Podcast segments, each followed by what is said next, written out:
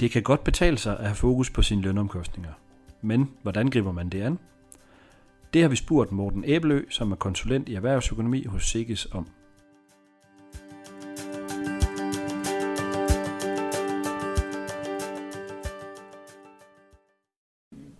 I første omgang, så, så kan det godt være en lidt uoverskuelig størrelse, fordi at øh, lønomkostninger er en kapacitetsomkostning, det vil sige, det er en fast omkostning, øh, Øh, og, og de kan umiddelbart godt være svære at styre. De er ikke så håndgribelige som, som de variable omkostninger.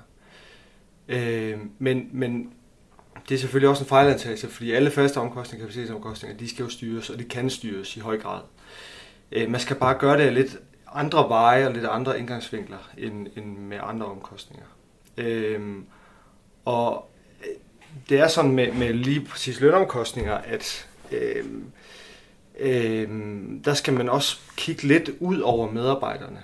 Altså du skal, du skal fokusere meget på, øh, hvad har du af, af, af processer i, i bedriften, hvad har du af arbejdsgange, rutiner, procedurer osv. Så prøv at kigge lidt ud over de her medarbejdere til at starte med. Selvfølgelig også kigge på dem og deres kompetencer osv. Det kan være, hvilke processer der er. Øh, det kan være fodring, transport, øh, transport af forskellige ting, kvigetransport osv. Øh, hvad det er for nogle processer, der kan være krævende. Øh, det kan være, hvor lang, altså kigge på, hvor lang tid der bruges på de her processer. Øh, hvem der varetager processerne. Øh, hvad er ansvarsområderne rundt omkring for alle de her forskellige processer og aktiviteter. Øh, er de selvkørende, de her medarbejdere, eller er der behov for, at der er en leder, der, der ligesom øh, går i nakken af dem, kan man sige, på en eller anden måde. Ikke? Alt sådan noget, altså hvad er fordelingen mellem ordinær løn, vikartimer, overarbejdstimer osv., og prøve at finde ud af, om kan man organisere sig anderledes, sådan så at de her øh, overarbejdstimer og vikartimer, de måske kunne øh, reduceres eller omdannes til, til noget ordinært. Øh, eller simpelthen formindskes og reduceres. Ikke? Øh, planlægges ferie for eksempel øh, for året, Øh, hvis, hvis du laver en god planlægning for ferie, så har du måske også større muligheder for at, at, at være på forkant med, at der ikke er perioder, hvor du så kan løbe ind i et overarbejde, eller vi er nødt til at hente nogle vikarer ind. Øhm, så kan du være på forkant med, med, med de her planlægninger. Øhm, så der er mange ting, man kan gøre, og, og det handler ikke kun om at kigge på omkostning i sig selv, fordi så, så, så kan man godt blive sådan lidt rundt forvirret og, og, og tænke, hvad, hvad, hvad filen gør lige nu øh, med det her, fordi det er ikke, det er ikke så håndgribeligt som det andet, men alligevel er det, fordi det, du skal bare gå ind af andre styrings, øh, have nogle andre indgangsvinkler til det.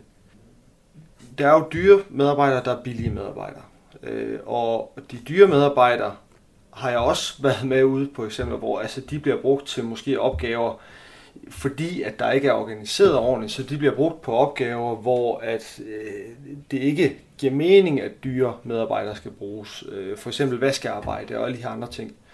Det, nogle gange giver det mening, at lederen går forrest for at vise, hvordan øh, man skal gøre, hvis det er en driftsleder. Men det giver ikke mening, at man er organiseret på en måde, så at de kommer til at lave de her opgaver. Øh, kig på dine medarbejdere, øh, deres kompetencer, deres øh, niveau, øh, øh, hvad de er for en omkostning. Altså er det, er det en vikar, eller er det en driftsleder, er det en, en, en der er i oplæring øh, osv.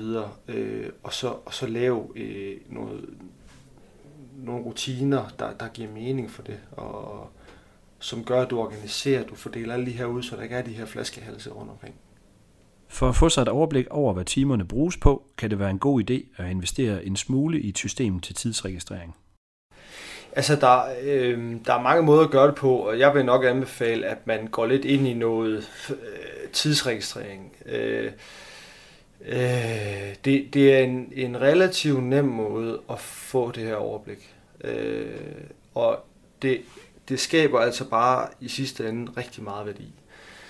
Øh, det er min påstand. Jeg ved godt, at øh, de her systemer koster selvfølgelig. Jeg ved, Farm, øh, hvad hedder de, FarmTime har lidt også der. Øh, og, og, og, og det koster lidt, men, men min påstand er, det er meget, meget, meget øh, hurtigt tjent hjem, øh, når du får det her overblik, og du får de her øh, muligheder for at, at se, hvor hullerne er, hvor der er flaskehalse, og hvordan kan jeg fordele øh, det her. Du kan også hurtigt finde ud af, om der er nogle medarbejdere, som ikke er udnyttet fuldt ud, forstået på den måde, at hvis de arbejder, at det kan godt være, at de arbejder der 37 timer, øh, men, men bliver de her opgaver, øh, bliver de lavet ordentligt i forhold til, hvad andre gør, eller der er mange muligheder. Øh, det er en af dem. Man kan selvfølgelig også tidsregistrere helt standard selv ved at lave et, øh, et, et, et rigtig fint Excel-ark, eller, eller hvad man nu kan lave.